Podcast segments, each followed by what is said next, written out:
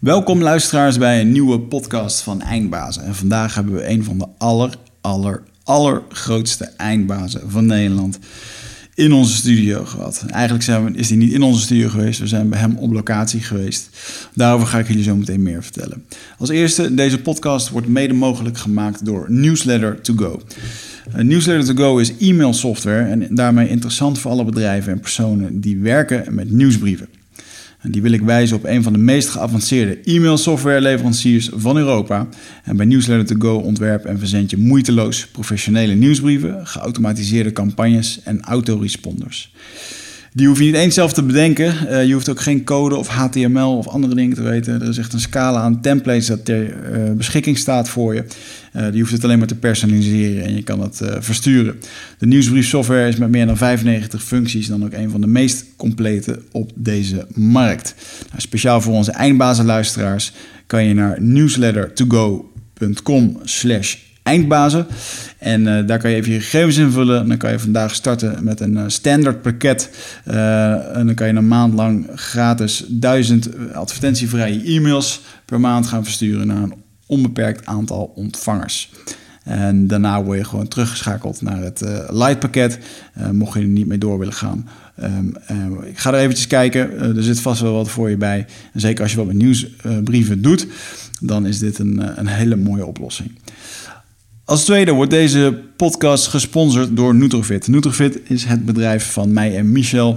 Uh, daar kan je supplementen kopen. En wij zijn gespecialiseerd in nootropica. Dat wil zeggen supplementen die je helpen met bijvoorbeeld uh, het schrijven van een presentatie of het maken van een presentatie. Dat je, als je achter je computer zit en je moet lange uren maken, dan helpt dit er ontzettend bij om in die diepe flow te komen. En uh, ja, om uh, bijvoorbeeld op een podium te staan en in één keer de woorden wat sneller te vinden, um, dingen sneller aan elkaar te kunnen knopen. Uh, lees vooral eventjes de recensies van de producten. Die zijn er ontzettend veel. We hebben ook een money back guarantee. Dat betekent dat je geen risico loopt. Als je het niet werkt, als je het niet voelt, je vindt het niks, dan mag je het gewoon terugsturen, ook al heb je het gebruikt. En dan krijg je gewoon je geld terug. Dus je loopt daar geen risico mee, want we zijn zodanig overtuigd van deze producten uh, dat ze echt van goede kwaliteit staan.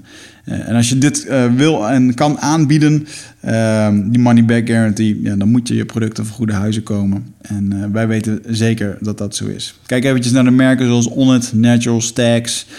Bulletproof, dat zijn allemaal bekende namen in de biohacking wereld. En uh, daar zit vast wel iets voor jullie bij.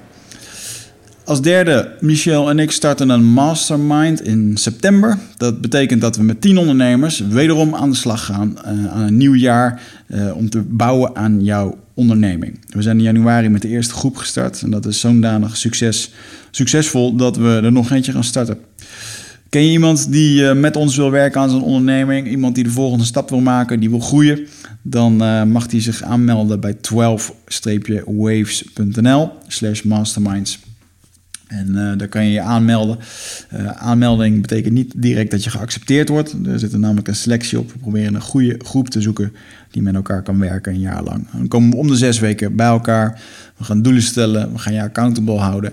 En eigenlijk betekent dat dat Michel en ik samen met de tien andere ondernemers, die, die natuurlijk ook voor goede input kunnen zorgen uh, op jouw plannen, op jouw problemen en op jouw uitdagingen. Je hoeft het niet alleen te doen.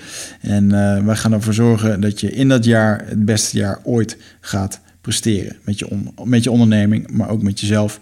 Dat je het beste uit jezelf haalt. Dan, um, nou, dat is misschien wel een mooi 1-2'tje. Um, jullie weten vast nog wel dat ik bezig ben met een, uh, een boek schrijven over mijn tijd bij een Indianenstam.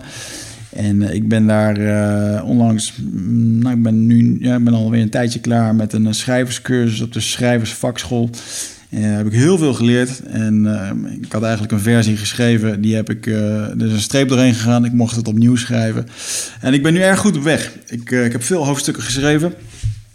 Um, ik heb ook de eerste hoofdstukken, die staan online. Je kunt ondertussen naar mijn uh, website, er komt een pop-up, weergeertmeerman.com en dan kun je de eerste twee hoofdstukken downloaden.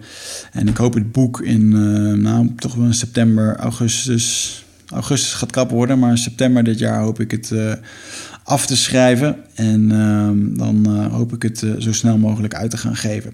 Dus mocht je daar interesse hebben over hoe ik daar 40 dagen, 6 weken in totaal, bij een Indianenstam heb gezeten. En al mijn avonturen daar. Jullie kennen de podcast. maar dat wordt een fantastisch boek, jongens. Ik vind het zo ontzettend gaaf om, om hier aan te werken en hier aan te schrijven. En wow, ik heb één ding wel afgeleerd, echt geleerd in de afgelopen tijd. En dat schrijven is echt een vak. Dus, ehm, ik, ik, heb heel veel van die internetcursussen gezien van uh, schrijf een boek in 10 dagen of in 30 dagen. Nou ja, in alle eerlijkheid jongens, als je echt gewoon een goed boek wil schrijven en je, je stort daar je hart en je ziel in, dan uh, in mijn opinie um, heb je daar wel meer uh, tijd voor nodig. En um, dat brengt ons dan ook bij een volgende gast, wat echt een van de aller, aller, aller grootste schrijvers in de historie van Nederland is. Uh, het was ontzettend tof dat we bij uh, meneer Jan Terlouw op bezoek mochten komen. Uh, we zijn bij zijn landgoed geweest. En ja, we hebben kunnen praten met een van de beste schrijvers die Nederland ooit gekend heeft. Ik geloof dat hij, ik geloof dat hij het ook in de podcast vertelde. Hij heeft meer dan 3 miljoen boeken verkocht. Um, hij heeft veel kinderboeken geschreven. Um, dat is ook begonnen omdat hij gewoon zijn kleinkinderen en zijn kinderen uh, verhalen vertelde. Uh, voor het slapen gaan. En toen zei zijn vrouw op een gegeven moment: van, je moet de verhalen gewoon eens opschrijven. En dat is hij gaan doen. Um, naast zijn uh, werk als vicepremier van Nederland, dat deed hij ondertussen ook nog eventjes. En ondertussen werd hij een heel erg succesvol schrijver. Uh, onder andere De Koningen van Katoren is een heel erg bekend boek. En ja, als je meer dan 3 miljoen boeken uh, in het Nederlandse huishouden hebt liggen, her en der verspreid, dan heb je het erg goed gedaan als Nederlands schrijver. Hij is nog steeds heel erg actief. Op dit moment praat hij meer over duurzaamheid en praat hij heel erg veel over de natuur. Dat is ook iets wat wij hier in de podcast met hem hebben besproken. Hoe staat het er op dit moment voor met de wereld? wat gaat hem aan het hart? En um, ja, wat, is de, wat is de boodschap die hij op dit moment probeert uit te dragen? Hij heeft nog regelmatig televisieoptredens. Hij spreekt ook nog eens een keertje drie keer, nou gemiddeld drie keer per week elders. En um, ja, in alle uh, in alle, met alle respect, want hij is al 86 jaar. Uh, en hij doet het nog steeds met een hoop passie, met een hoop liefde. Een ontzettend uh, heldere, een fijne man om mee te praten. En een, en een ware eer om dit te mogen doen. We hebben het gesproken over hoe hij een boek schrijft. Hoe hij zijn politieke carrière heeft ervaren. Hoe hij dat nu ziet. En um, ja, we zijn echt eventjes de diepte in kunnen gaan over wat Jan Terlouw nou bezighoudt. En zijn kennis is wel zo ontzettend breed dat we van boeken schrijven tot het universum, tot uh, mooie filosofieën en tot persoonlijke anekdotes over zijn familie zijn gekomen. Ik wens jullie dan ook ontzettend veel plezier met deze podcast. Voor mij een van de allermooiste die we hebben opgenomen. Eindbazen wordt gesponsord door Nutrofit. De webshop voor natuurlijke voedingssupplementen en trainingsmaterialen die je helpen bij het verkrijgen van Total Human Optimization. Nutrofit is hofleverancier van merken zoals Onnit, Natural Stacks en Bulletproof Coffee. Probeer onze producten zonder risico door onze money back guarantee. Bezoek ons op www.nutrofit.nl. Bestel je voor 9 uur s avonds, dan zorgen wij dat jouw bestelling de volgende dag geleverd wordt.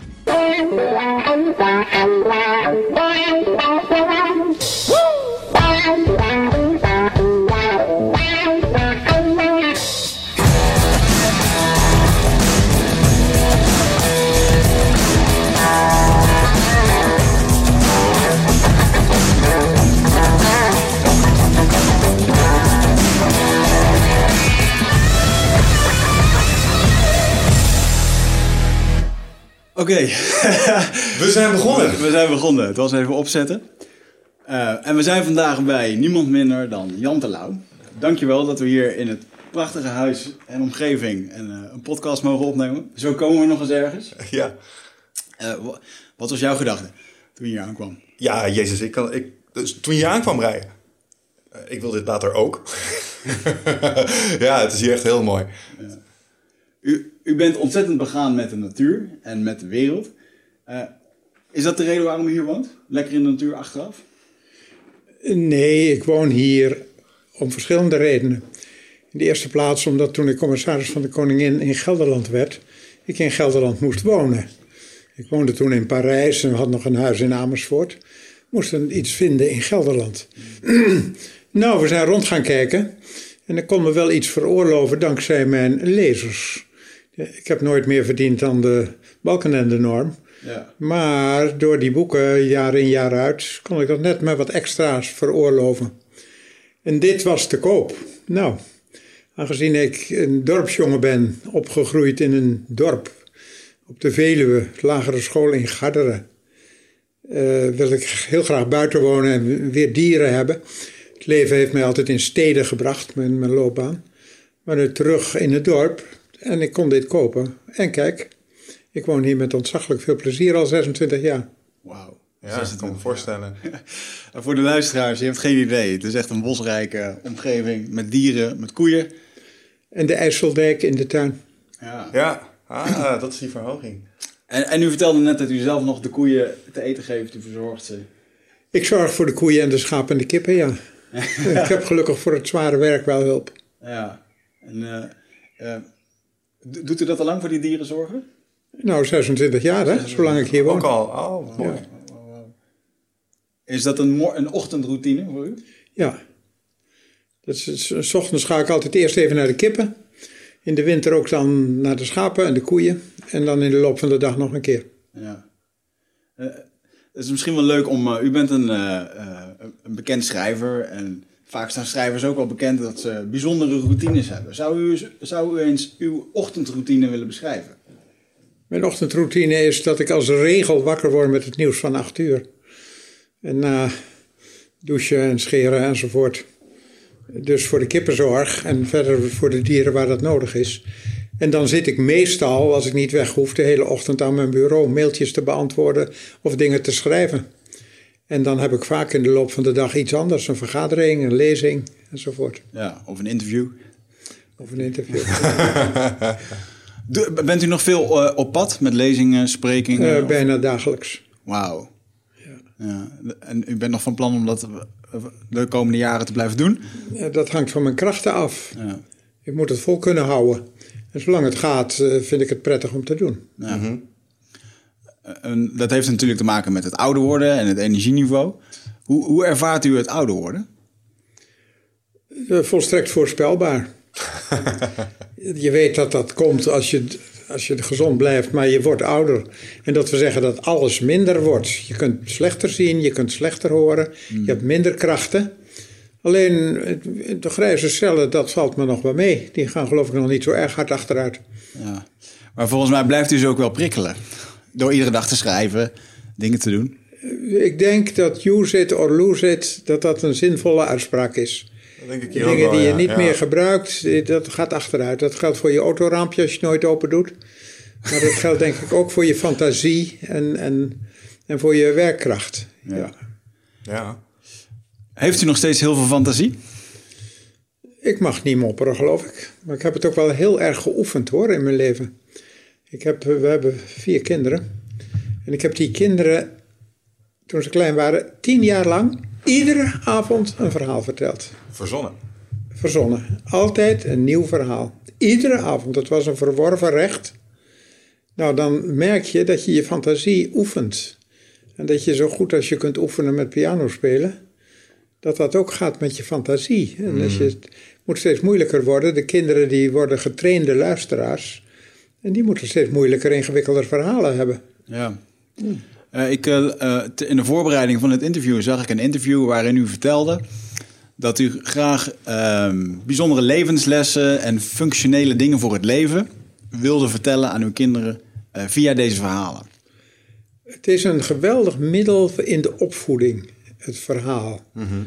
Want als je een kind iets duidelijk wilt maken, bijvoorbeeld je mag iets niet doen, je kunt zeggen dat mag je niet doen, ja. Dan gaat het kind afwegen de lol van het weldoen en het vervelende van eventueel straf. Als je zegt, ik ga het kind helemaal geen straf geven, ik ga erover praten. En dat introduceer ik met een verhaal. Mm -hmm. mm. Iedereen is geïnteresseerd in een verhaal. Ik zeg vaak tegen een grote zaal, vertel, begin even een verhaaltje te vertellen. Het wordt meteen doodstil. Ja. Professoren en kinderen van vier, het maakt niet uit. Ja. Het verhaal is zo sterk. Het is zo'n ongelooflijk communicatiemiddel. Daar valt iedere PowerPoint bij in het niet. Zelfs muziek haalt er niet bij. Bij de kracht van het verhaal. Ja. Als het gaat om communicatie. Hoe denkt u dat dat komt? Ja, we zijn geïnteresseerd in onszelf. En ieder verhaal gaat over mensen, zelfs als het over dieren gaat. En dat, dat wil je weten. Hoe dat gaat met zo'n mens of met zo'n. Ik weet niet wat het is, maar het is ontzettend sterk. Ja. Als het goed verteld wordt. Ja. En eh, wat ik me nou heel erg afvroeg is dat in de politiek waar u bedreven bent geweest, ehm, daar is niet altijd evenveel ruimte voor fantasie. En, en creatief, nou, creativiteit misschien wel. Zijn uw kinderboeken een uiting geweest van de fantasie die u niet kwijt kon in de politiek? Eh, Nee, de, de boeken die ik voor de jeugd heb geschreven, het is over grote deel. Ik heb heel weinig voor kleine kinderen geschreven, eigenlijk niks. Maar wel voor opgroeiende jeugd. En ik ging dat tegelijk doen met in de politiek gaan. Daarvoor was ik. Ik heb en natuurkunde gestudeerd. Ja. Ik heb 13 jaar kernfusieonderzoek gedaan. En toen ben ik tegelijk gaan schrijven voor de jeugd en in de politiek gegaan. En ik koos voor het schrijven de onderwerpen die ik in de politiek tegenkwam. Ik begon me te interesseren voor de pro- problematiek. Hoe los je het op? Wat zijn de politieke benaderingen? En je kunt me in je boeken dat aan een opgroeiende jeugd ook kwijt. Als je zegt, luister, je bent op weg naar volwassenheid en dat is naar burgerschap. Naar de verantwoordelijkheid van de staatsburger. Dan kom je problemen tegen. Kinderboeken vroeger, die nog, plachten nog alles te zijn. Nou, jij bent een kind en als je nou maar heel goed oppast, word je net zo goed als wij volwassenen. Nu ben je nog een stout kind. Ja, het is omgekeerd. Je bent een kind met fantasie en met mogelijkheden. En je bent op weg naar staatsburgerschap, waar je allemaal verkeerde dingen gaat doen. Dat blijkt gewoon. Ja. Nou, laat ik dus een ander boek schrijven en zeggen: Dit is een probleem. Het is niet een leerboek. In een leerboek zeg je: Dit is het probleem en dit is de oplossing. Dit is de vraag en dat is het antwoord. In een roman zeg je: Dit is een probleem en ik benader het van verschillende kanten en denk erover na. Dat heb ik geprobeerd te doen in boeken voor de jeugd. ja. En dan heel vaak maatschappelijke problemen. Met succes. Ik mag niet mopperen. Ouders vonden het wel fijn. Het is een beetje moralistisch, zeiden ze soms.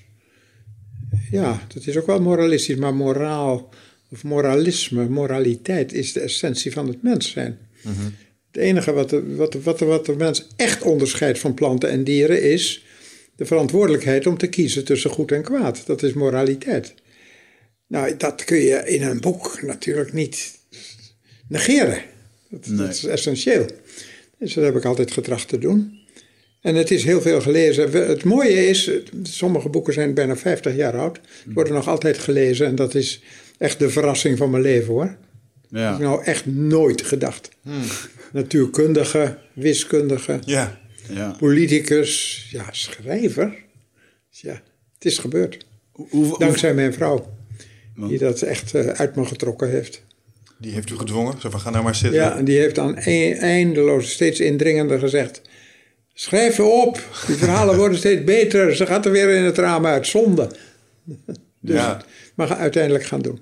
Zijn, daar de, zijn in de verhalen die u daar vertelde, is daar de basis gelegd voor de verhalen die een stukje verderop in de boeken naar boven zijn gekomen? Zo'n soort van de templates voor, voor wat, wat u dacht dat een goed verhaal maakte? Nee, ach, als je iedere avond een verhaal vertelt, 365 per jaar, dat zijn er zo ontzettend veel. En als ik dan een boek, later een boek ging schrijven, dan wat, wat op dat moment aan de orde was. Ja. Had- Heeft u een bepaald eh, schrijversproces? Hoe schrijft u een boek? Heeft u daar een eh, Dat is methode heel voor? eigenaardig. Ik denk er nauwelijks over na. Ik bedoel, over het verhaal, over de structuur. Ik denk misschien wel twee jaar na over het probleem. Wat is het maatschappelijke probleem? Hoe zit dat in de samenleving? Daar praat ik over met mensen. Als iemand me in de trein aanspreekt, dan maak ik het nuttig door eens even dat onderwerp aan te snijden. Wat vindt u daar nou van? En ik denk helemaal niet hoe moet dat verhaal in elkaar zitten. Ik ga gewoon zitten, ik begin te schrijven. Ja, ja. En dat komt door die tien jaar verhalen vertellen. Ik heb het volste vertrouwen dat het komt goed, dat verhaal. Ja. En daar zit natuurlijk ook iets bij van mijn, de structuur van mijn hersens. Die zijn gevormd door natuurwetenschappen, Ja. door wiskunde. Ik maak automatisch structuren, denk ik, zonder het zo mezelf zo bewust te maken. Ja, ja, ja. Interessant. Grappig. Het, blijft logisch wat ik doe. Dat ben ik zo gewend, dat het logisch moet blijven. Ja. En dat helpt enorm bij de structuur van een verhaal. Ja, ik denk dat dat het verband ook is. Het verband, ik zat te denken, zou er dan een verband kunnen zijn tussen wiskunde en een verhaalschrijver? Maar ik denk dat dat de logica, het moet, het moet Ik weet als ik iets introduceer dat het nut moet hebben en terug moet komen en anders moet het er niet in. En dat doe ik niet zo bewust, dat gaat haast onbewust. Ja. Hebben ze zelfs een naam voor, volgens mij. Als je dat wel doet. Er is een veelgemaakte schrijfsel, Chekhov's gun of zo. Als er ergens iets wordt genoemd in een verhaal, eh, moet je het altijd later weer eh, hergebruiken. Anders hangt het er voor niets. Of dat is eh, een van de schrijversregels, meen ik. Dat weet iedere schrijver. Je moet niet dingen erin stoppen die geen functie hebben. Ja, exact. Ja, ik ben nu bezig met een, schrijvers, op, een cursus op de Schrijversvakschool in Amsterdam. En daar krijg je dit soort eh Dingen. les ook. Ja. Ja. Ja. er moet geen onzin in staan wat, wat er niet in hoort. Nou, dat heb ik dus nooit geleerd, maar dat gaat automatisch. Ja. En, en begint u dan gewoon bij hoofdstuk 1 en u eindigt bij 10? Of gaat u Ja. kriskras door elkaar? Ik, ik denk van tevoren, dit worden 250 bladzijden. En ik denk, ik maak absoluut geen structuur. Ik maak geen schema. ik weet waar ik het over wil hebben, het onderwerp. Ik weet dat het onderwerp steeds terug moet komen in allerlei gedaantes.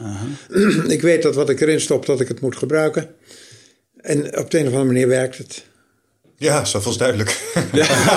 u heeft wel iets te pakken wat er ook schrijvers niet te pakken hebben. het zou kunnen werken, ja. Wat, wat zou uw advies zijn voor de toekomstige schrijvers van Nederland? Heel veel lezen. Eerst heel veel lezen. Zijn er auteurs geweest die u eh, gevormd hebben in dat opzicht? Eh, Zo'n stuk of honderdduizend. Een stuk van. Ik heb Oké. altijd gelezen. Ja. En dan komt er zoveel binnen. Toen ik een kind was, was er geen televisie. Nee. Het was oorlog. Het enige wat we hadden was lezen. Dus ik las altijd alles, van alles en nog wat. En dan, dan komen andere culturen binnen, en andere godsdiensten, andere karakters. En, eh, Ja.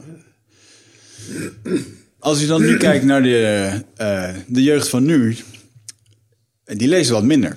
Die kijken vooral. En luisteren naar podcasts zoals deze. Ja. Ehm, vindt u dat een eh, gevaar? Ja. Ja, het blijkt uit allerlei onderzoek dat kinderen die veel lezen en niet gamen of twitteren of podcasten of weet ik wat, maar kinderen die veel lezen bouwen een voorsprong op op bijna alle gebieden.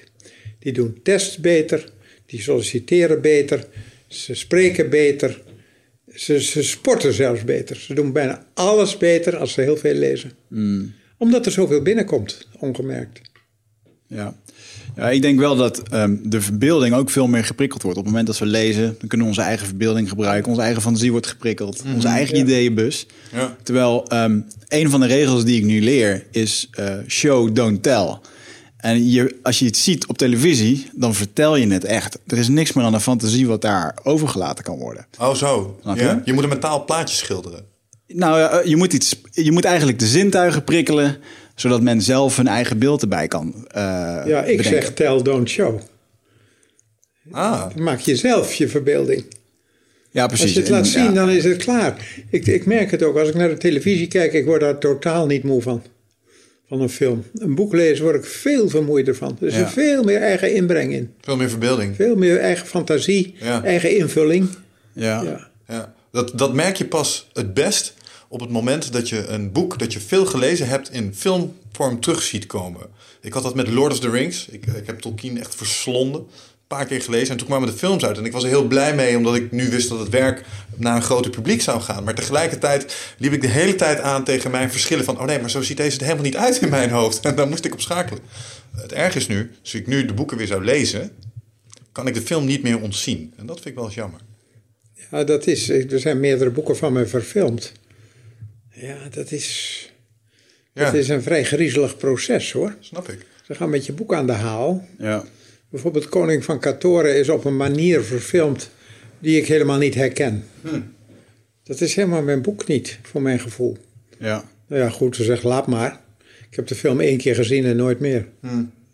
En, en hoe, hoe gaat het dan in zijn werk dat u op een gegeven moment... er wordt een aanbod gedaan dat het verfilmd mag worden. Daar dacht u dan op dat moment van... nou, dit, dat zou wel eens wat kunnen worden. Ja, je denkt aanvankelijk, in je naïviteit, nou, ik heb daar inspraak in. Maar dat valt reuze tegen. Hmm. Je, je kunt niet bedingen dat je vetorecht hebt. Want ja, er wordt geld ingestopt en als het eenmaal op onderweg is, dan moet dat klaar. Hè? Ja. Dus alleen ik heb gemerkt, ja, zo, zoveel als oorlogswinter heb ik veel overlegd met de regisseur en dat is heel goed gegaan. Ik ben het niet met alles eens, maar toch een goede film geworden, vind ik. Ja. Eh, Koning van Katoren veel minder, Briefgeheim weer meer, enzovoort. Mm. Eh, en dan zeg je, nou ja, je boek wordt weer meer gekocht in het algemeen. Ja. Ja, dat zou, dat zou ik ook denken. Ja. Van ja, als je nou je werk wil blootstellen aan een groter publiek, is misschien een opstapje. Ja, de, de, de, de oplagers die worden weer groter. Dus toen zeg je, laat maar. En als, als het dan niet mijn film is, dan zeg je, nou ja, het zijn twee dingen, het boek en de film. Ja. Ja. ja, maar ik kan me voorstellen als het ervoor zorgt dat ze de boeken lezen en ze krijgen toch wel weer eh, de kernlessen die je wil uitdragen, zoals het gaat om het anti-extremisme, het zelf kritisch denken. Ehm, nou ja, prima als de film nog iets minder was. Als ze dan vervolgens toch weer worden blootgesteld aan dat proces, dan heb je alsnog gewonnen volgens mij. Ja, de- iedereen moet er maar doen wat hij zelf wil. Ja. Een van, dat, dat is trouwens ook wel echt een van de thema's in uw, eh, in uw boeken. Hè? Het, eh, het, het kritisch denken, het, eh, het, het zelfoplossend vermogen. Ja, ik vind dat het leven de moeite waard is als je dat doet. Ja, Ja, maar waar komt die, waar, komt die specifieke kernles van, vandaan? ja dat zal wel karakter zijn, denk ik, voor Ja. een groot deel. Maar ja, alles speelt een rol. Het feit dat ik ben, dat ik, dat men, de mijn hele kindertijd was het oorlog. De Tweede Wereldoorlog begon toen ik zeven was, eindigde toen ik dertien was. Nou, voor je zevende ben je een kleuter en na je dertiende ben je een adolescent. Dus mijn hele kindertijd was het oorlog. En dat heeft me mede gevormd natuurlijk. Ja, Je weet nooit precies hoe, maar dat heeft het. Onder andere heel kritisch gemaakt. ja. Ik heb g- ook grootouders gehad die de bezetting hebben meegemaakt. Die zaten in deze contraien eh, van het land. Was, zat u, u zat ook aan deze kant? De, de laatste winter van de oorlog, die het belangrijkste was, het heftigst, Ja. eh, woonden we in Wezep. Ja. Aan de, aan de Veluwse kant, de Gelderse kant van Zwolle. En ik zat in de tweede klas van het lyceum in Zwolle, kon daar niet heen. Dus ik heb de hele oorlogswinter, van september tot eind april, eh, was ik met die oorlog in Wezep en kon niet naar school. En was heel druk met die oorlog, zoals iedereen. Met onderduikers, met hongerleiers, met eh, schuilplaatsen zoeken, met dat soort dingen. En dat heeft toch heel, heel vormend of tekenend voor mijn leven geweest. Want ik, moest, ik werd versneld volwassen. Ja. De, de- ik, ik kwam s'nachts, soms niet thuis s'nachts en mijn ouders wisten van niks. Je kon niet even opbellen. Dan kon ik even niet weg of ik was bezig. En de, de, de spertijd om acht uur. En daar moesten mijn ouders in berusten en dat deden ze ook. Ja. Ze zeiden niet, foei toch? Ze zeiden ook niet, waar was je? Dat, dat ging zo in die tijd. Je kwam van alles tegen wat je niet vertelde thuis. Oh ja, daar zit een Jood kennelijk, niet over praten. En die hebben radio, mag ook niet. Ja. Zo was dat. Ja. En ik werd versneld volwassen, ik kon doen wat ik wou. Eh, Ik, ik was veel sterker dan al die hongerleiers die langskwamen. En dan krijg je ook het gevoel van, ja, de situatie veel meer meester dan jullie. Ja. Arme trekkers, arme hongerleiers, arme onzekeren. En toen werd het vrede. En toen moest ik weer kind worden. Toen moest ik weer naar school, om negen uur thuis, huiswerk maken. En dat zijn hele moeilijke jaren voor me geweest. Als je dan al versneld volwassen bent geworden, dan moet je weer kind worden een paar jaar. Ja. En dat duurde tot mijn zeventiende. En toen kon ik naar Utrecht student. En toen heerlijk weer, ja. weer vrij. Zou daar een verband tussen kunnen zitten? Het weer kind worden en de verhalen vertellen? Ja, ach, ik weet niet, dingen dit hebben zoveel oorzaken. Hè? Ja, dat Zelf veel lezen, altijd geïnteresseerd geweest in verhalen zelf. Ja. Misschien, ik had jongere broertjes en zusjes die ik verhaaltjes kon vertellen. Was ik zelf de jongste geweest, was misschien weer anders gegaan. Ja. We- weet u nog de dag dat, ehm, eh, dat Nederland ehm, vrij was van oorlog? Weet u die dag nog? Dat u wist van, hé, hey, nu hoef ik me niet meer druk te maken? Of heeft u nooit echt dat gevoel gehad daarna? Oh. Die dag die haal ik, die, die kan ik nog uur voor uur bij wijze van spreken. Dat weet ik nog zo goed. Dat was zo belangrijk. Die laatste dagen. We wisten, ze komen eraan, de bevrijders. Ja. En waar zijn ze nu? En, en zal er nog gebombardeerd worden? En er stond nog een hele rij munitiewagens een tijd in het dorp. En gaan de allieerden daar bommen opgooien. Oh, dat was... Ik heb toen ik in 2014, denk ik, eh, op 4 mei in de Nieuwe Kerk was uitgenodigd om daar de toespraak te houden. Net voor het herdenking op de Dam is er dan in de Nieuwe Kerk. En, nou, dat is nogal wat hoor. Er zit de hele regering en de koning en, uh, en 2 miljoen kijkers op de televisie. Dus dat is No pressure. de beste, beste gebeurtenis. Maar daar heb ik onder andere dit verteld. Wat ik me nog zo goed herinner. We wisten, ze komen eraan, de geallieerden. En op een ochtend, eind april, ik stond in de, in de voortuin van de pastorie. Mijn vader was dominee in Wezep. En ik keek de stationsweg op. En daar kwamen ze aan. Daar kwamen tanks aan. Of, of nee, jeepachtige voertuigen. Het voertuigen die ik niet kende. En daar zaten uniformen. Mannen in uniformen die ik ook niet kende. Een vrolijke baret op. En geen stijve petten. Ik dacht, dat zijn ze. Dit ken ik niet. Na vijf jaar Duitse uniformen. Dit moeten ze zijn, geweldig. En met mijn andere oog zag ik mijn vader uit de pastorie komen. En hij was een hele sportieve man in zijn hart. Maar lichamelijk. hij kon niet schaatsen rijden, hij kon niet zwemmen. Ik had hem nooit hard zien lopen. Hij was een man die schreed. Dominee, in driedelig pak. Hij komt de voordeur uit van de pastorie. Hij ziet ze en hij huppelt. hij huppelt ze tegemoet.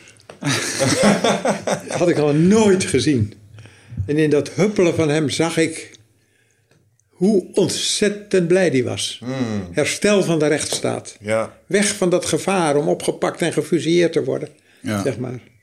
Ja, dat soort dingen vergeet je natuurlijk nooit. Nee. Dat, dat, dat, wat u nu zegt, hè, van eh, bang om opgepakt te worden en gefuseerd te worden. Dat is zo'n ver van ons bedshow. Kennen wij niet. Terwijl, nou goed, ik zit hier nu met u over te praten. Relatief gezien, dus het is nog helemaal niet lang geleden. Nou ja, dat is, het is tussen 70 jaar geleden of zoiets. Eh, maar het gebeurde. Wij woonden in Garderen, waar ik op de lagere school was. Nou, dat is vlakbij Putten. Acht kilometer. En je weet wat daar gebeurd is. Hè? Ja, misschien weten jullie het ook niet. In de buurt van Putten is een geallieerde generaal of- is, eh, aangeschoten. En ze hebben alle mannen uit Putten opgepakt. Van jongens vanaf 16 jaar. En naar concentratiekampen gebracht. Er is een handjevol teruggekomen. Ze hebben 100 huizen in brand gestoken. Dat gebeurde. Ja. En hier wil Woeste Hoeven. Ze hebben 125 mannen uit, ook, ook een aanslag. Er was niet eens iemand dood, alleen gewond. Ze hebben 125 gevangenen uitgepakt. Ook jongens van 17 en doodgeschoten. Gebeurde. En dat wisten we natuurlijk. Nou, mijn vader, notabel. Die wist als er hier iets gebeurt. Ze pakken een paar notabelen op en die schieten ze dood. Ja. En dat is, een, eh, dat is angstig leven. Heeft u wel eens de angst gehad dat de dood heel dichtbij kwam? Oh, hij is twee keer is die, moest hij zich melden en is die, moest hij een nacht of twee weg. Dan moest hij graven aan de spoorlijn. En de boerenjongens die hielpen hem dan. Maar dat was doodangstig. Wow. Hè? Ja. Dan weet je gewoon niet of hij de volgende dag terugkomt. Ja. Ja. Zit jij eh, vaak in je hoofd? Eh, neem je heel veel informatie tot je video's, podcast, boeken? Eh, nou, voel je niet schuldig, dat doen heel veel mensen natuurlijk. Hè, maar vaak zijn we op zoek naar antwoorden. Ehm, gaan we nog meer informatie tot ons nemen. Terwijl ja, de antwoorden liggen toch echt in onszelf. En dat is iets wat we voelen met ons lichaam. Maar vaak zijn we zo erg in ons hoofd bezig ja, dat we dat ook niet meer, dat we daar niet meer echt goed bij kunnen. En dat is graag waar ik je voor uit wil nodigen. Voor Rite of Passage. 24, 25 en 26 mei is er weer een nieuwe editie. Voor mijn retreat voor persoonlijke ontwikkeling. Waarbij het thema echt is om uit het hoofd te komen in dat lichaam. Want dat is waar je alles ervaart. En ik wil dat je gewoon weer in contact komt met, met die, die intuïtie. Ehm, en dan gewoon een heel sterk eh, innerlijk kompas. Dat je gewoon weer weet waar je naartoe moet. Wat je te doen staat. En dat je gewoon weer helderheid hebt over wat je wilt en hoe dat je dat gaat doen. En dat doen we middels eh, bio-energetische oefeningen, dynamische meditaties, een stuk shamanisme zit erin. Het enige wat er bekend is van het programma is dat er een zweethut in zit. Eh, en natuurlijk gewoon hands-on persoonlijk leiderschap. En dit retreat krijgt een 9,2 gemiddelde van meer dan 331 deelnemers. Daar ben ik ontzettend trots op. Sterker nog, er is ook een money back guarantee. Vind je niks na drie dagen, krijg je gewoon je geld terug. Dus het enige risico dat je loopt is dat je gelukkiger wordt. Klinkt dit als iets voor jou en durf je het aan? Dan zie ik je op Ride of Passage. Ga naar wichertmeerman.nl en klik op Retreat. Ja, en ik hoorde laatst iets, iets schrijnends en ik ben benieuwd hoe u daarover denkt. Ehm, er zijn nu eh, sommige mensen, als je ze als je bevraagt over de Holocaust en de Tweede Wereldoorlog, het ebt een beetje weg uit het geheugen, las ik laatst ergens. En dan denk ik wel eens, als je het nou hebt over, over de jeugd, en wat heel goed zou zijn, is als bijvoorbeeld eh, mijn neefjes uw boeken straks zouden lezen, omdat voor hun ehm, dat gevoel wat wij nog een beetje hebben meegekregen van onze grootouders, en om met mensen als u te spreken, wij, wij kennen dat gevoel nog een beetje. Maar ik heb wel het gevoel dat de waardering voor de maatschappij zoals we die nu hebben, nou, ze vinden, het, is een beetje van, het wordt vanzelfsprekend voor ze, omdat ze niet direct in aanraking zijn gekomen met iets als de Tweede Wereldoorlog. Ik was vorige week eh, bij een evenement waarbij een jonge man, 25 of zo, een column voorlas. En ik keek ervan op hoe pessimistisch. Hij had het erover, over de ik-cultuur en over dat we de waarheid niet meer willen kennen en, en dat alles om geld gaat. Enfin, een hele pessimistische column. Ik dacht, jongen, jongen, je woont in een van de beste landen van de wereld. En je hebt geen oorlog meegemaakt. Ja, het is lang geleden. En zo is dat. Ja. En dat was toen anders. En toch voelt hij het echt zo. Heeft, Ja. u daar, heeft u daar wel eens moeite mee? Dat die jongen die dat nou bijvoorbeeld voorlas, die, die beleeft dat wel echt zo. Dus Nee, ik begrijp dat heel goed. Het is zo lang geleden. Toen ik acht jaar was, voor de oorlog, toen vertelden mijn ouders over de Eerste Wereldoorlog.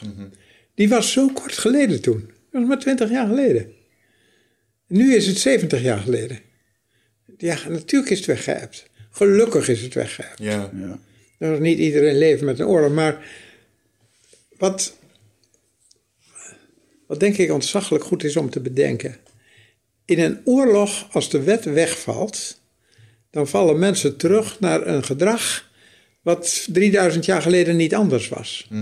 Lees maar Thucydides of lees het Oude Testament. Dan zie je, we zijn niet veranderd. We zijn even hebzuchtig en genereus, even laf en moedig. Even. Mensen zijn niet veranderd. Maar wat veranderd is, is de publieke moraal. Die is fantastisch verbeterd. 400 jaar geleden vond iedere godsdienst slavernij nog doodgewoon. Ja. Zo kort geleden.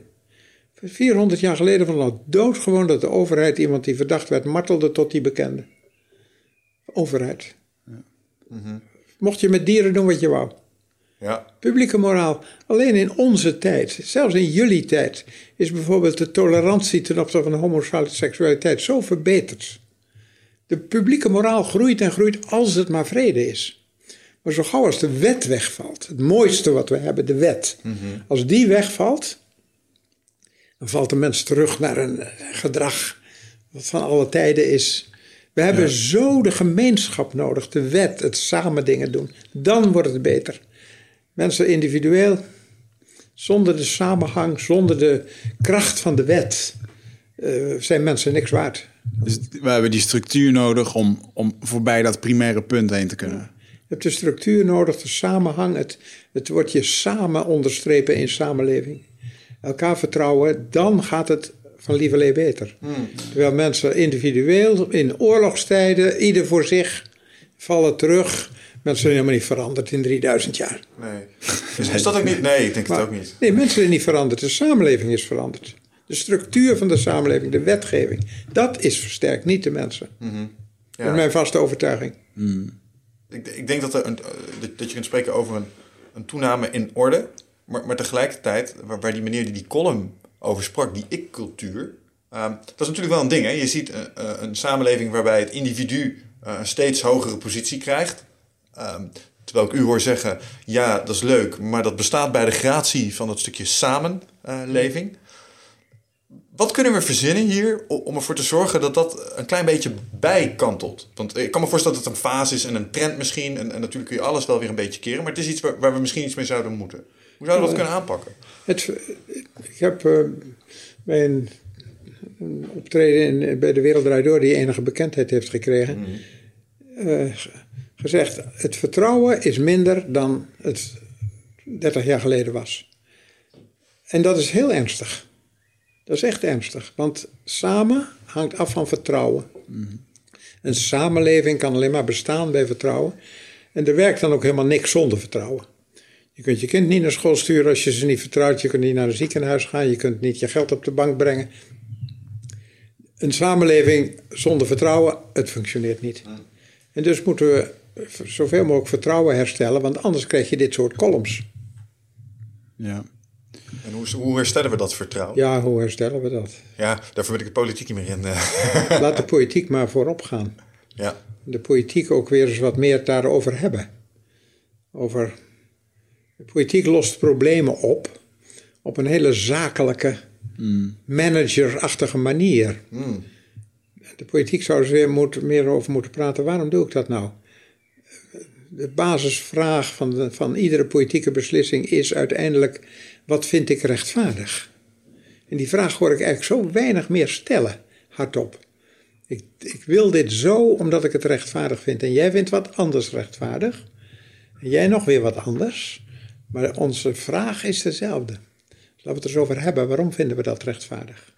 Laten we tot een compromis komen waar dat zichtbaar is. Waarom we dat doen uit rechtvaardigheidsoverwegingen. Ja. Als je dat meer doet, dan heb je meer geloof in de politiek. Hmm. En dan wordt het vertrouwen in de politiek groter. En ik, zoals in de opvoeding, kinderen die. Kinderen doen zoals hun ouders, als ze tot ze tien zijn of zo.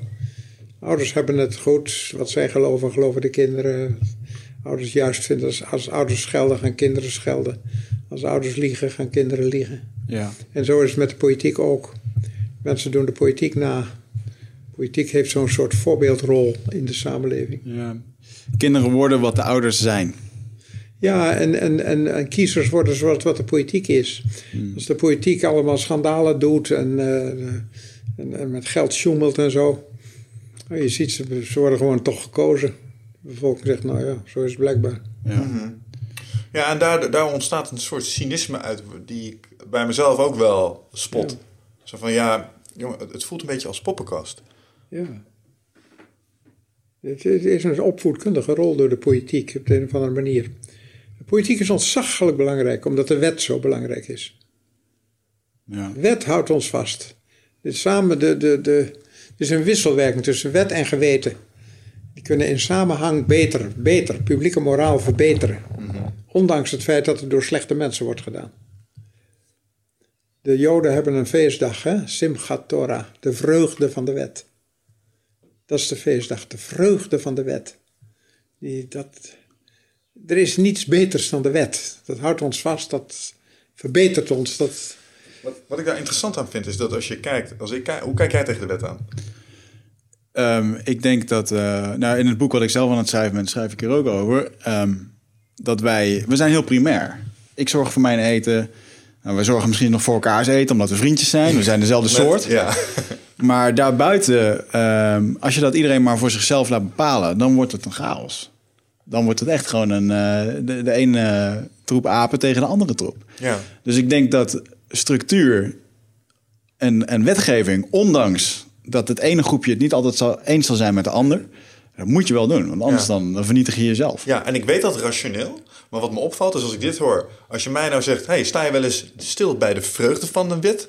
Dan zeg ik nee, ik sta alleen stil bij de wet op het moment dat het een antagonist voor mij is. Omdat ik er tegenaan loop. En dan irriteer ik mij eraan. Verkeersboetes, dat soort dingen. Ja. Maar de wet is niet een stel regeltjes, hinderlijke Precies. regeltjes.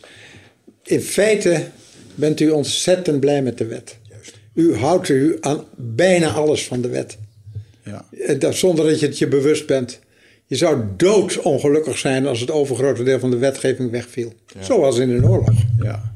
We zijn allemaal dolblij met de wet. Maar weten dat niet. We zijn ons dat niet zo bewust.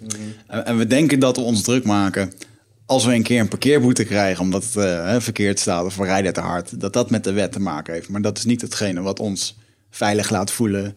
Nee, nee. Nee, en ik denk dat het ons een, eh, het neemt een hele, eh, wat u net vertelde, dat de, de rust die je in je krijgt op het moment als er in één keer gevaar wegvalt, dat is iets wat de wet voorziet. Ja, het is vertrouwen. Ja. Ik denk dat dat het is. En op het moment dat eh, onze kopstukken eh, laten zien dat zij er slecht mee omgaan, eh, ik denk dat dat het effect heeft op onze perceptie ervan. De wet beschermt je. Ja. De wet die zorgt dat de buurman ook te eten heeft. De wet, aan, aan één stuk door worden we vastgehouden en gesteund door de wet. Ja. Maar dat zijn we ons gelukkig niet steeds bewust. Dat, maar dat is, dat is de kracht van onze samenleving. Dat, we, dat dat berust op een grondwet. We worden beschermd tegen een overheid. De grondwet is helemaal geschreven als bescherming van de burger tegen zijn eigen overheid. En tegen de macht van de koning. Maar ben je niet bewust aan één stuk door, hè? Maar dat is wel zo. Als u nou iets eh, naar de politieke leiders van Nederland op dit moment zou willen vertellen, wat zou dat dan zijn? Oh, ik zei het net al. Laat weer meer zien waarom je doet wat je doet. Waarom je. Laat weer meer zien dat je, dat je constant de vraag stelt: wat vind ik rechtvaardig? Dat is de kernvraag. En dan vindt een socialist natuurlijk iets anders dan rechtvaardig dan een conservatief. Dat geeft niet. Maar laat zien waarom je het rechtvaardig vindt en discussieer daarover. Dan geloof ik dat de burger weer in je gelooft. Merkt u trouwens in dat opzicht dat naarmate u vordert in uw leven, dat uw eh, politieke overtuiging of kompas nog, nog gewijzigd is? Dus ze zeggen wel als je wat ouder wordt, dan schuif je iets meer op naar rechts en zo. Is dat ook zo? Of? Eh, als ik opgeschoven ben, is het aanzienlijk naar links. Oké. Maar, maar eh, ik geloof niet dat mijn opvattingen veranderd zijn. Maar soms, ja, je wordt je van lieverlee dingen bewuster. Hè? Wat ik nu zeg over de wet, ja, daar zal ik misschien 30 jaar geleden niet meer zo bewust zijn geweest. Dat kan zijn. Ja. ja. Maar in, deep inside denk ik dat ik hetzelfde heb gevonden. ja. Ja. En we hebben het nu even iets over de, eh, zeg maar de dingen die er beter kunnen ten opzichte van vroeger. Want vroeger waren dingen vaak beter. Eh, tegelijkertijd hebben we wel geconstateerd dat morele besef in de maatschappij is wel daadwerkelijk vooruitgegaan. Ik denk mede door het politieke proces. Waar zitten de grootste verschillen als je kijkt tussen eh, uw actiedagen in de politiek en nu? Ehm, als u daar op een afstand naar kijkt. Van, hm, nou, dit gaat toch wel beduidend anders nu. Er is een heel belangrijke vraag bijgekomen in de laatste 50, 40 jaar. Namelijk deze. Je, je hoort rekening te houden met allerlei belangen. Als, als je een beslissing neemt in de politiek of in een bedrijf, dan moet je rekening houden met de be- belangen van de werkgever, met de belangen van het kapitaal, met de belangen van het milieu, belangen van de stad waar je woont enzovoort. Het is een heel belangrijke bijgekomen en dat is het belang van de ongeborene. Dat was vroeger lang niet zo. Van, dat vanzelfsprekend werd het beter. Je had meer ontgonnen landbouwgrond en, en eh, van de hele wereld werd beter. Je hoefde helemaal niet te denken aan de, aan de wereld voor de ongeborenen. Maar nu wel. En dat komt omdat we met de natuur, zijn we al 5000 jaar, zijn we de natuur aan het domesticeren. En aan het telen en kweken en fokken en naar onze hand zetten. Maar het heeft nu door de schaal van de techniek zo'n omvang aangenomen dat we niet meer weten wat we doen. Als we 80% van de insectenmassa hebben laten verdwijnen door onze landbouwmethode, we hebben geen idee wat we doen. Wat Ja. dat betekent.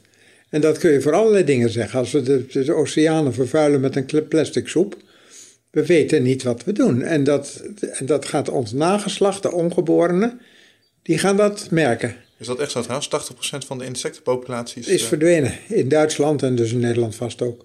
dat is Je merkt het trouwens hoor, als je, als je met je auto van Frankrijk naar Nederland rijdt. Vroeger zat je vooruit vol vliegjes, maar dat is niet meer zo. Er zitten wel troepen Ja. op, maar geen, geen vliegjes meer. waar, ja. Nee, ze zijn weg. Ja, en dat is het fundament van het ecosysteem. Als dat glijdt, dan eh, glijdt alles. Dat is doodeng. En we, we hebben het laten gebeuren. En, en de, ons nageslacht gaat de tol betalen. Dus die vraag is er essentieel bijgekomen. Ook het belang van degenen die nog niet geboren zijn. Ik heb in een boek wat heet Het hebzuchtgas... heb ik laten eindigen met ondernemers die eindelijk het licht zien... en die bij hun vergaderingen altijd een lege stoel hebben staan. Daar zitten de nog ongeborenen. Daar zit de toekomst. Zodat ze steeds bij hun besluiten... oh ja, zij praten ook mee. En er zijn een aantal jonge, is een aantal jonge vrouwen en die vindt dat zo mooi. Die hebben daar een website voor opgezet. En die bouwen nu stoelen. En er staat op toekomststoel. En ze bereiken al dat bij verschillende, ook grote ondernemingen, die stoel er staat. We gaan er eentje kopen. Ja, Ja. wat cool. We gaan er ook een kopen. Ja, Ga maar, eens, ga maar eens kijken, toekomststoel. Zoek maar eens op Google. Ja, gaan we zeker doen. Mooi initiatief inderdaad. Wauw. Heeft u, eh, u heeft nu ook kleinkinderen? Ik heb twaalf kleinkinderen waarvan meer dan de helft vegetariër is. Wauw. Zijn die, zijn die er trots bij? Ja. En, eh, ja, sorry. zo, eh, veganisme wordt hier, eh, wordt hier eh, aangemoedigd? Nee, hoef ik helemaal niet te doen. Dat bedenken ze zelf. Ja. Aha. Ja. Eh, Eet u zelf nog vlees? Ik eh, ben hier in huis strikte vegetariër. Alleen buitenshuis, als er nou een bitterbal langskomt, ja. Vooruit dan maar weer. Zo durf ik niet te zeggen dat ik hem nou nooit neem. Maar Ja. Ja. Mooi. En, en, en uw kleinkinderen, die, eh, zijn er kleinkinderen die graag in de, in de voetsporen van opa willen treden? in welk opzicht? Ja, het, het, eh, laat ik het zo zeggen, het publieke gezicht dat de maatschappelijke boodschap wil brengen? Nou, ik had pas... In Deventer was er een, was er een zogenaamde Jan Terlouw-lezing, hebben ze ingesteld. Ik was uitgenodigd om de eerste te houden. Waarom? En, Ah, oh. en dan ieder jaar, ik mocht ook iemand aanwijzen die het volgend jaar doet. Eh, En ik mocht ook een jonge spreker daarbij uitnodigen. En daar heb ik mijn kleindochter Laura uitgenodigd. En die heeft een prachtige toespraak gehouden over duurzaamheid. ah, te gek. Ja. Mooi. En zijn er op dit moment nog boeken waar u mee bezig bent? Want ik heb een aantal keer vernomen dat u stopte met schrijven. Toen ging u toch met uw dochter weer eh, aan de haal met de pen. En ehm, is, is er ooit een Jan Terlouw die echt stopt met schrijven? Nee, maar dat heb ik ook nooit gezegd. Alleen er is me een keer gevraagd door een om, in een televisieuitzending over schrijven voor de jeugd. En toen heb ik gezegd, nou, dat weet ik niet of ik dat nog zal doen, want ik ken de jeugd niet meer. Ik, ik weet niet hoe het is om te gamen en te twitteren en constant te telefoneren en zo. Ja. Dus misschien moet ik dat niet doen. Ik weet nog toen ik schreef Zoektocht in Katoren. Een boek van, weet ik veel, 15 jaar geleden of zo. En ik schreef daarin, ze belde Gerard met haar mobieltje. En mijn kleinkind zei, ja, hoe anders? Het, ja, Het is niet hoe mij dat zeggen. ja, voor mij moest ik dat er nog even bij zeggen, want Ja. voor mij is dat nieuw. Ja, ik ken ze ook niet meer. Ik, Ja. Maar ik heb nog heel veel geschreven daarna, hoor. Ja. Boek WKC van, de, voor, van dit, dit, voorjaar nog. Ik zat gisteren nog eventjes eh, in de Koning van Kantoren eh, eh, de inhoud te lezen. En waarin het hoofdstuk kwam waar er een, eh, een eh, granaatboom was, waar granaten aan groeiden. Eh, en die jongen die moest dan door eh, voor de ministers die op dat moment de macht hadden, jarenlang. Eh, die bepaalden dan dat hij opdrachten moest gaan doen. En een van die dingen was eh, de appels plukken van een granatenboom. Je moet de granaatappelboom vellen. Vellen inderdaad. En, Die moet weg. Maar de, ehm, hoe dat beschreef, of tenminste hoe het er stond geschreven, dat er eerst een paar ministers zijn die zeggen dit en dat mag je niet doen. Vervolgens was er dan een, een boom die echt granaten produceert. En hoe komt dat dan? Omdat er een kruidfabriek een aantal kilometer verderop staat. En door de wind gebeurt dit. En ik moest daar zo om lachen. Het, is, het, is, ja, het, het snijdt wel maatschappelijk hout. En was dat op dat moment ook iets wat u bedacht? Speelde dat, Ik was het actueel Ik iets? vertelde de kinderen een volgverhaal op het klassieke patroon van Heracles. Jongen die koning wil worden en opdrachten moet doen. Een klassiek patroon. en ik vertelde de, de ene avond over moest het een draak verslagen worden en dan een tovenaar enzovoort. Toen ging ik dat boek schrijven. En ik was ook net bezig te verdiepen in politieke problemen. Ik dacht nou, ik neem gewoon echte problemen. Maar wel in de vorm van sprookje. Dus wel tovenaars en draken en granaatappelbomen. Maar echte maatschappelijke problemen. Nou, dat heb ik gedaan. En dus gaat er een over eh, dat we niet naar elkaar luisteren. En er gaat er een over oorlog. En er gaat er een over het milieu. En er gaat er een over ecumene. Ja, En er gaat enzovoort. Echte problemen, maar in sprookjesvorm. grappig inderdaad. Komt u nou regelmatig mensen tegen die vroeger heel veel van uw boeken lazen en waar, dat nog, waar bepaalde dingen zo ontzettend bij zijn gebleven? Eh, spreekt u die nog wel eens? Komt u dat regelmatig tegen? Ja, dat wordt dan erg arrogant en opschepperig, maar de werkelijkheid is dat ik ze iedere dag tegenkom. Mensen die zeggen: Ik ben opgegroeid met uw boeken en ik bestook mijn kleinkinderen nu met uw boeken. Nou, ik moet zeggen, ik kreeg echt een nostalgieaanval in de voorbereiding gisteren. Want die kaften, die werden getekend, die doen mij heel erg denken aan mijn basisschooltijd. En dan stonden al die boeken daar bereid. En die kaften die hadden een bepaalde manier van tekenen, Ja. zeg maar.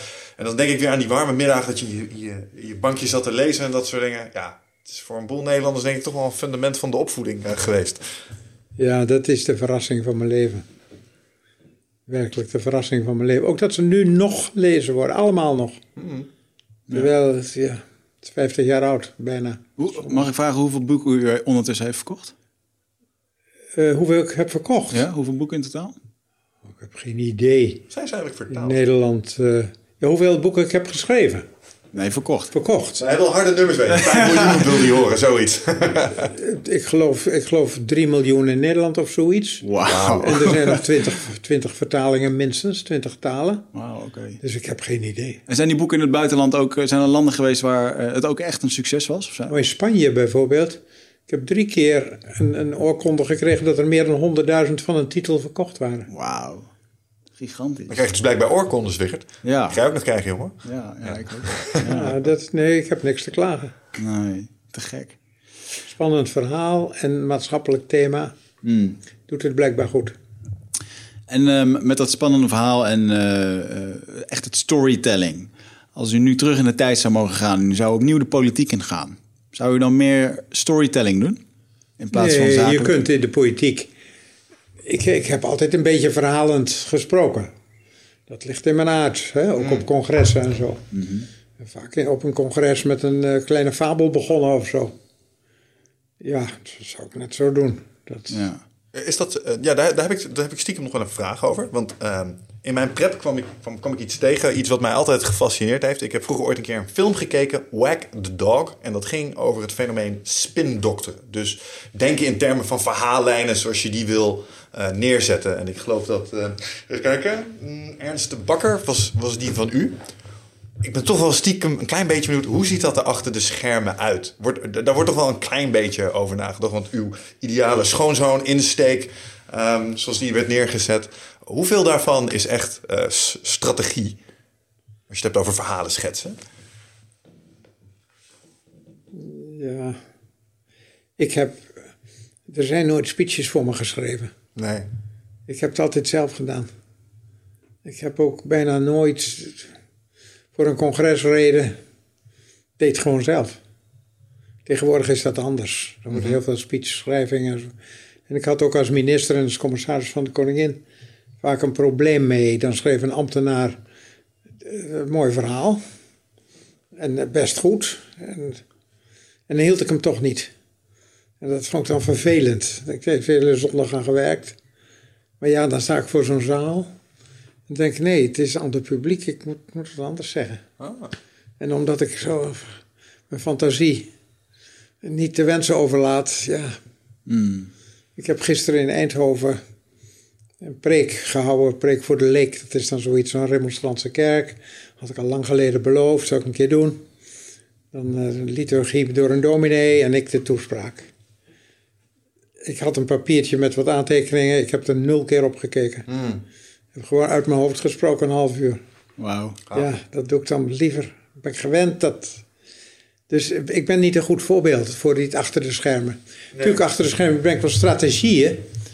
Wat zullen we zo doen en hoe gaan we dat doen en wat welk thema. Maar, maar verhaaltjes verzinnen voor me, nee, dat is nooit gebeurd. Nee, omdat het zo expliciet bij stond. En ik was stiekem altijd wel een beetje vanuit Hollywood dus geïnteresseerd geraakt in het concept spindokteren. Ja. Dus ik stel mij dan voor dat daar mensen rondlopen die de hele dag niet anders doen dan dat soort dingen verzinnen. Maar dat valt dat, mee, dat ik. gebeurt ook wel hoor, tegenwoordig, naar ik hoor. Alleen niet in mijn tijd. Ja. En dat- ja, ik kon het zelf verzinnen. Nog Be- even, eerlijk gezegd, beter dan zij.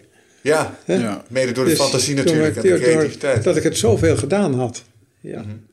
Hey, eh, en als je dan even kijkt naar het grote verhaal eh, in de periode dat, eh, dat u in de overheid zat, dat was natuurlijk ook ten tijde van de Koude Oorlog. Ehm, en als we nu naar het huidige wereldtoneel kijken, dan zien we misschien wel weer wat parallellen met destijds. Ehm, wat vindt u van de huidige geopolitiek in dat opzicht? Gaan wij, gaan wij weer de fouten van het verleden herhalen? Of? Nou, De Koude Oorlog zat ik natuurlijk nog niet in de politiek. Hè. Toen was ik nog natuurkundige in die tijd. Ik, ik werkte in MIT, een, een van de allermooiste universiteiten van de wereld. eh, in, in, van 60 tot 62. En dat was de tijd dat Kennedy werd gekozen. Uit Massachusetts. En MIT is in Massachusetts. Dus, en ik had voor het eerst van mijn leven televisie. En kon dat, heb dat heel gefascineerd gevolgd. Die verkiezing van Kennedy.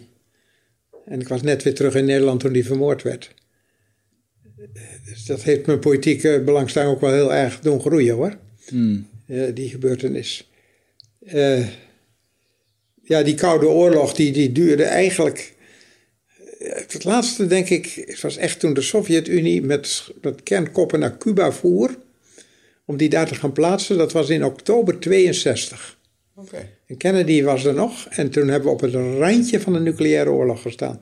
Bay of Pigs. Ja, dat- Ja. Nee, niet Bay of Pigs. Dat. Bay of Pigs was toen Kennedy net gekozen was, een aanval op Cuba. Nee, dit was de Sovjet-Unie bracht kernkoppen naar Cuba. Dus vlakbij Amerika. Ja. En dat pikte Kennedy niet. En hij heeft bewerkstelligd, werkelijk op het laatste moment, toen die schepen vlakbij waren, zijn ze rechtsomkeerd gegaan. Net terug naar, naar Rusland, de Sovjet-Unie. Ja. Randje van de nucleaire oorlog. Oktober 62. Daarna was de Koude Oorlog toch. Toen, toen is er een tijd gekomen van, van een ander wereldbeeld. Toen kreeg het idee, hey, wereldvrede kan misschien toch wel. De Verenigde Naties kregen meer invloed. Eh, er was de wederopbouw, de AOW, iedereen had een ziektekostenverzekering. De welvaart nam toe. Het ging echt beter. En je kreeg de kabouterbeweging en je kreeg democratiseringsbeweging als D66. En de democratie kreeg een kans in Zuid-Amerika en in Indonesië. Het werd een betere tijd, ander wereldbeeld. En we zeiden make love, not war in die tijd. Dat was, dat was een tijd dat we begonnen te geloven... hé, hey, misschien kan wereldvrede toch wel. Wat, wat na de Eerste en Tweede Wereldoorlog natuurlijk niet was, dat beeld. De bekende hippie-tijd. Ja, Ja. Het was een mooie tijd, maar die is, die is, in de negentiger jaren is dat weer weg aan het ebben geslagen door de globalisering en door wat we de natuur aandoen. Zijn er nu weer andere problemen. Nou, Denkt u, denkt u desondanks dat als we eh, zeg maar, iets vooruitkijken in de toekomst, dat we optimistisch mogen zijn? Is wereldvrede een haalbaar iets voor ons? Ja, ik weet het niet. Ja, want u vroeg nog naar geopolitiek. Ik vind, dat, we, ik vind dat, er, dat er veel te panisch met de Sovjet-Unie wordt omgegaan. Eh, nu zegt de Europese Unie, ja, Macedonië en andere landen moeten bij de EU ter versterking tegen de Russische dreiging. Eh, ik vind het onzin. Oké, helder. Ik vind het echt onzin. De Baltische Staten, lid van de NAVO geworden. Oekraïne, we zijn ze gaan ophitsen. Denk eraan, je je hoort bij ons. Ja, toen heeft Oekraïne die heeft, eh, dat eiland ge- ge- genationaliseerd. Hoe heet het? Eh, de Krim. de val... Nou, nee, niet de paniek. Nee, nee, nee. Nee, nee, nee, nee. nee, dat is Argentinië. Niet de Krim. Eh, hoe heet dat eiland daar bij Oekraïne? Ik durf het je niet te Ja, zeggen, toch maar de Krim. Ja, Ja, dat- die, die haven die zo Ja, belangrijk was ja. voor Rusland, waar- Ja. waardoor ze toch even hallo zijn Ja. komen zeggen daar. Ja. Twee jaar geleden inmiddels alweer? hebben ze het genationaliseerd. Ja, Ja, Ja. Nou, kijk, de Sovjet-Unie wordt veel meer omsingeld door het Westen dan omgekeerd. Dus stel je niet aan, zeg. Doe niet net alsof die Sovjet-Unie een enorme bedreiging voor ons is. Ik geloof er helemaal niks van. Nee, ik denk als we daar wat coöperatiever in willen worden, dat, ehm, ja, dat, we daar wel een, eh, dat er heel veel uit zou kunnen komen. Ja, maar even terug naar de achterliggende vraag. Is, is daarmee zeg maar wereldvrede, eh, gelet ook op, de, op de duurzaamheidsvraagstukken die we nu op de horizon zien aankomen, eigenlijk een beetje van de kaart wat u betreft? Nou, dit, dit is best een beetje...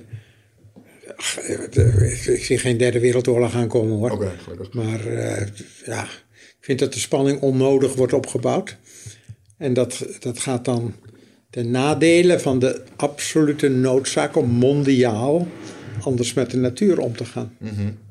Ja, ja, dat is wel redelijk duidelijk eh, ook in uw eh, betoog eh, bij de Wereldrijd door. Van joh, jongens, hou er rekening mee. We hebben maar één aardkloot hier. En daar zullen we het mee moeten doen met elkaar. Ja.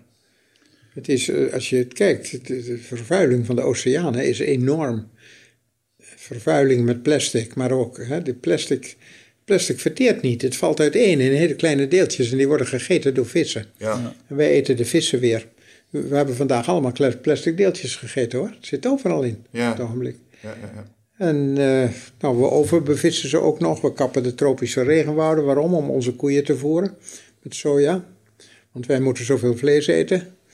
We industrialiseren de landbouw. Meer eh, productie per hectare. Meer bestrijdingsmiddelen. Minder wilde planten. Insecten verdwijnen. Het grutto verdwijnt. We zijn helemaal verkeerd bezig. We weten niet wat we doen. En dat moet anders. Nog afgezien van de klimaatverandering.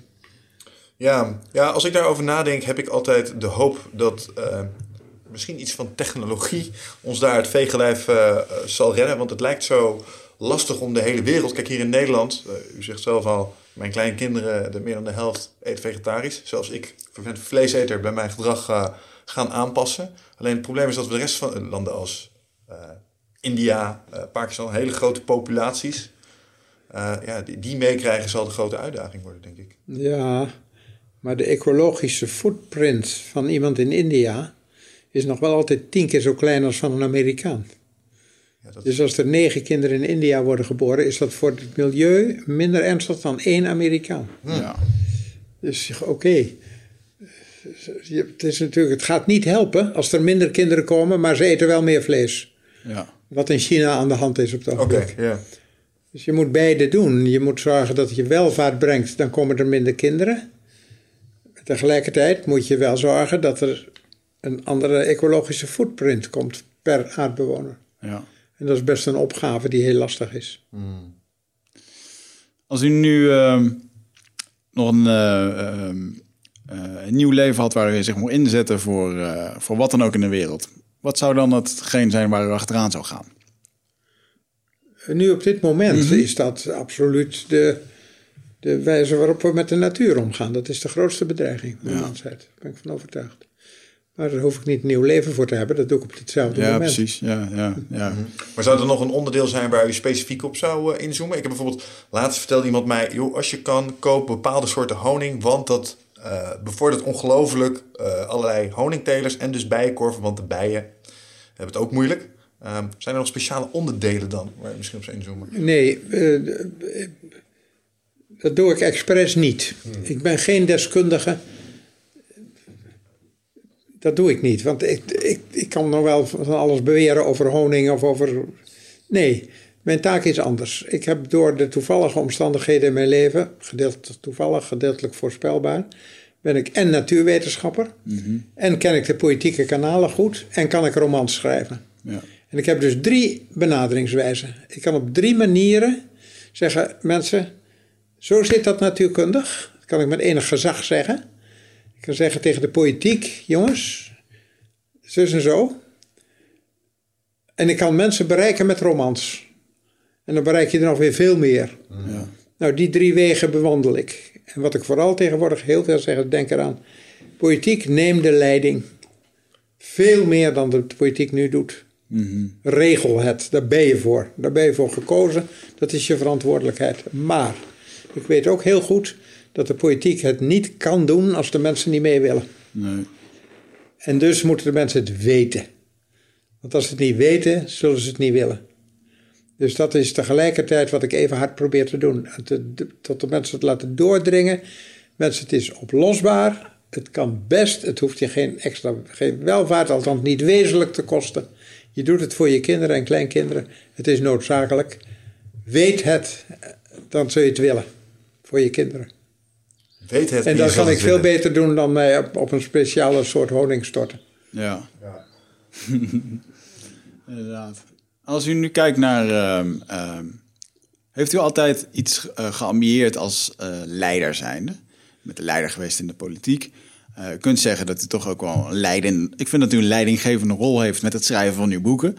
Is dat iets wat u altijd heeft aangevoeld als een missie of als een, iets van u? heb ik me nooit zo bewust eh, bedacht. Maar ik ben het wel grotendeels geweest.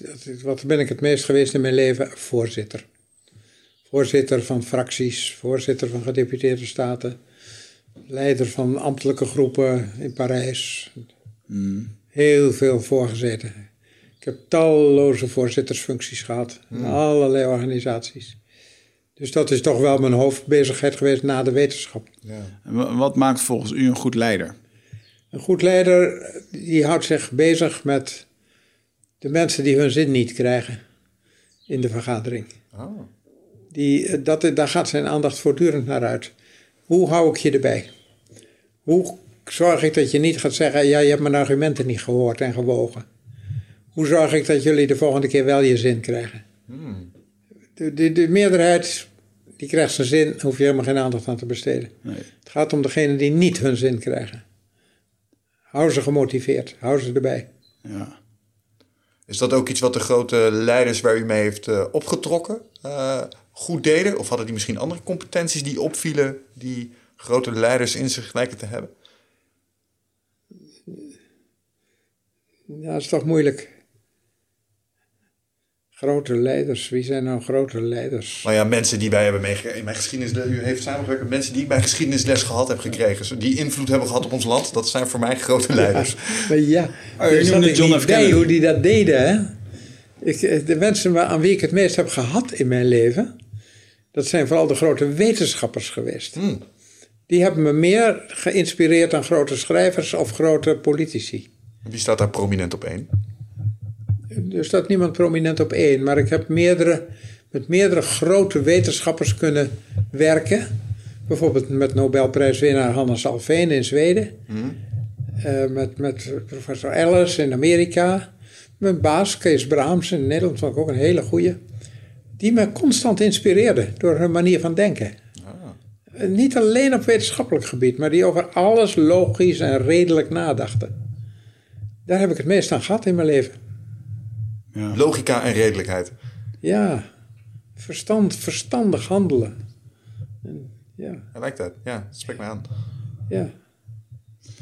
We lopen bijna tegen een uur aan. We hebben een afspraak met u gemaakt dat we maar een uurtje een interview doen. Ik stel voor dat jij nog één vraag stelt en ik nog één vraag. Mm. Rondom hem af. Oké. Dat is een goede vraag. Welke dag? Dus ik zou moeten kiezen. Ja. je.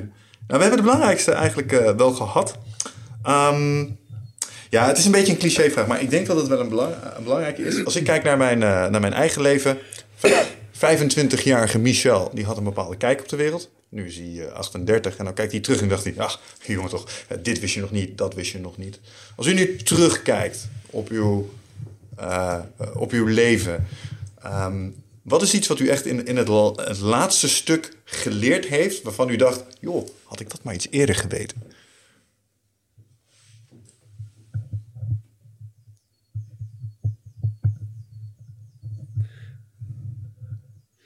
Moeilijk te zeggen hoor. Ik denk dat je van lieverlee sommige dingen onbelangrijker gaat vinden. Maak je niet druk. Maar wat nou precies? Ik, kan nog wel een klein uh, hint geven. Er zijn twee dingen die uitputtend zijn. Waar je doodmoe van wordt, die je niet moet doen. Eén is ruzie maken is erg inspannend om ruzie te maken. Kost zoveel energie, ruzie maken. Dus probeer conflicten heel vroeg te herkennen.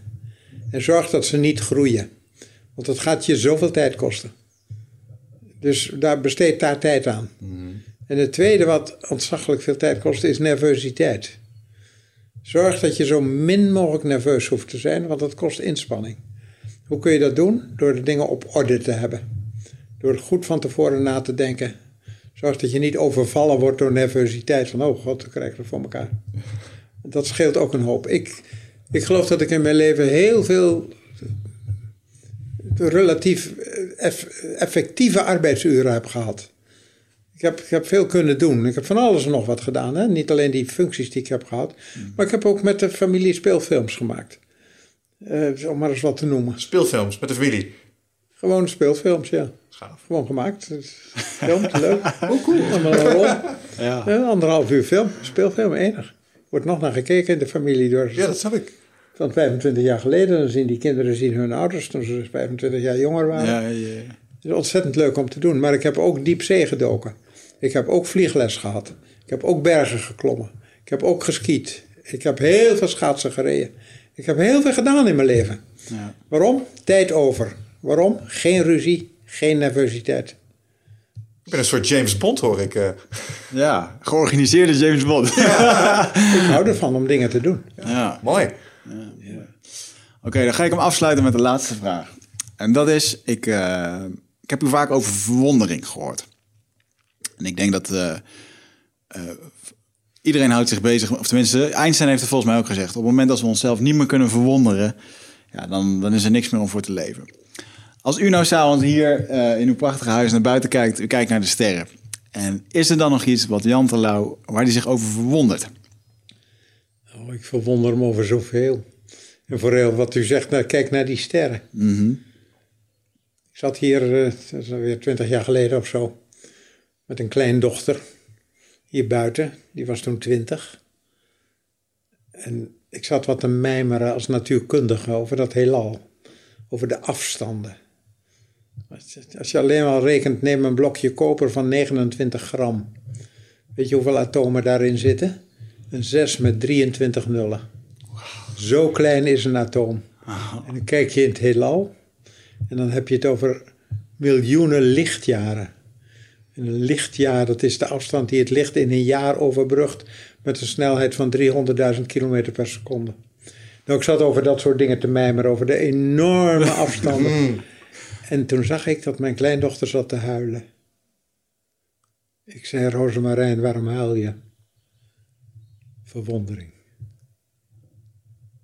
Ja, te, te allesomvattend. Ja. Mooi. En on that note, Daarmee gaan we deze podcast eindigen. Ontzettend bedankt dat u in, ons, in onze uitzending eh, wilde komen. Dat wij hier mochten komen. wat een belevenis weer. Ja, een hele eer. Nog een kopje thee? Heerlijk. Ja, laten we dat doen.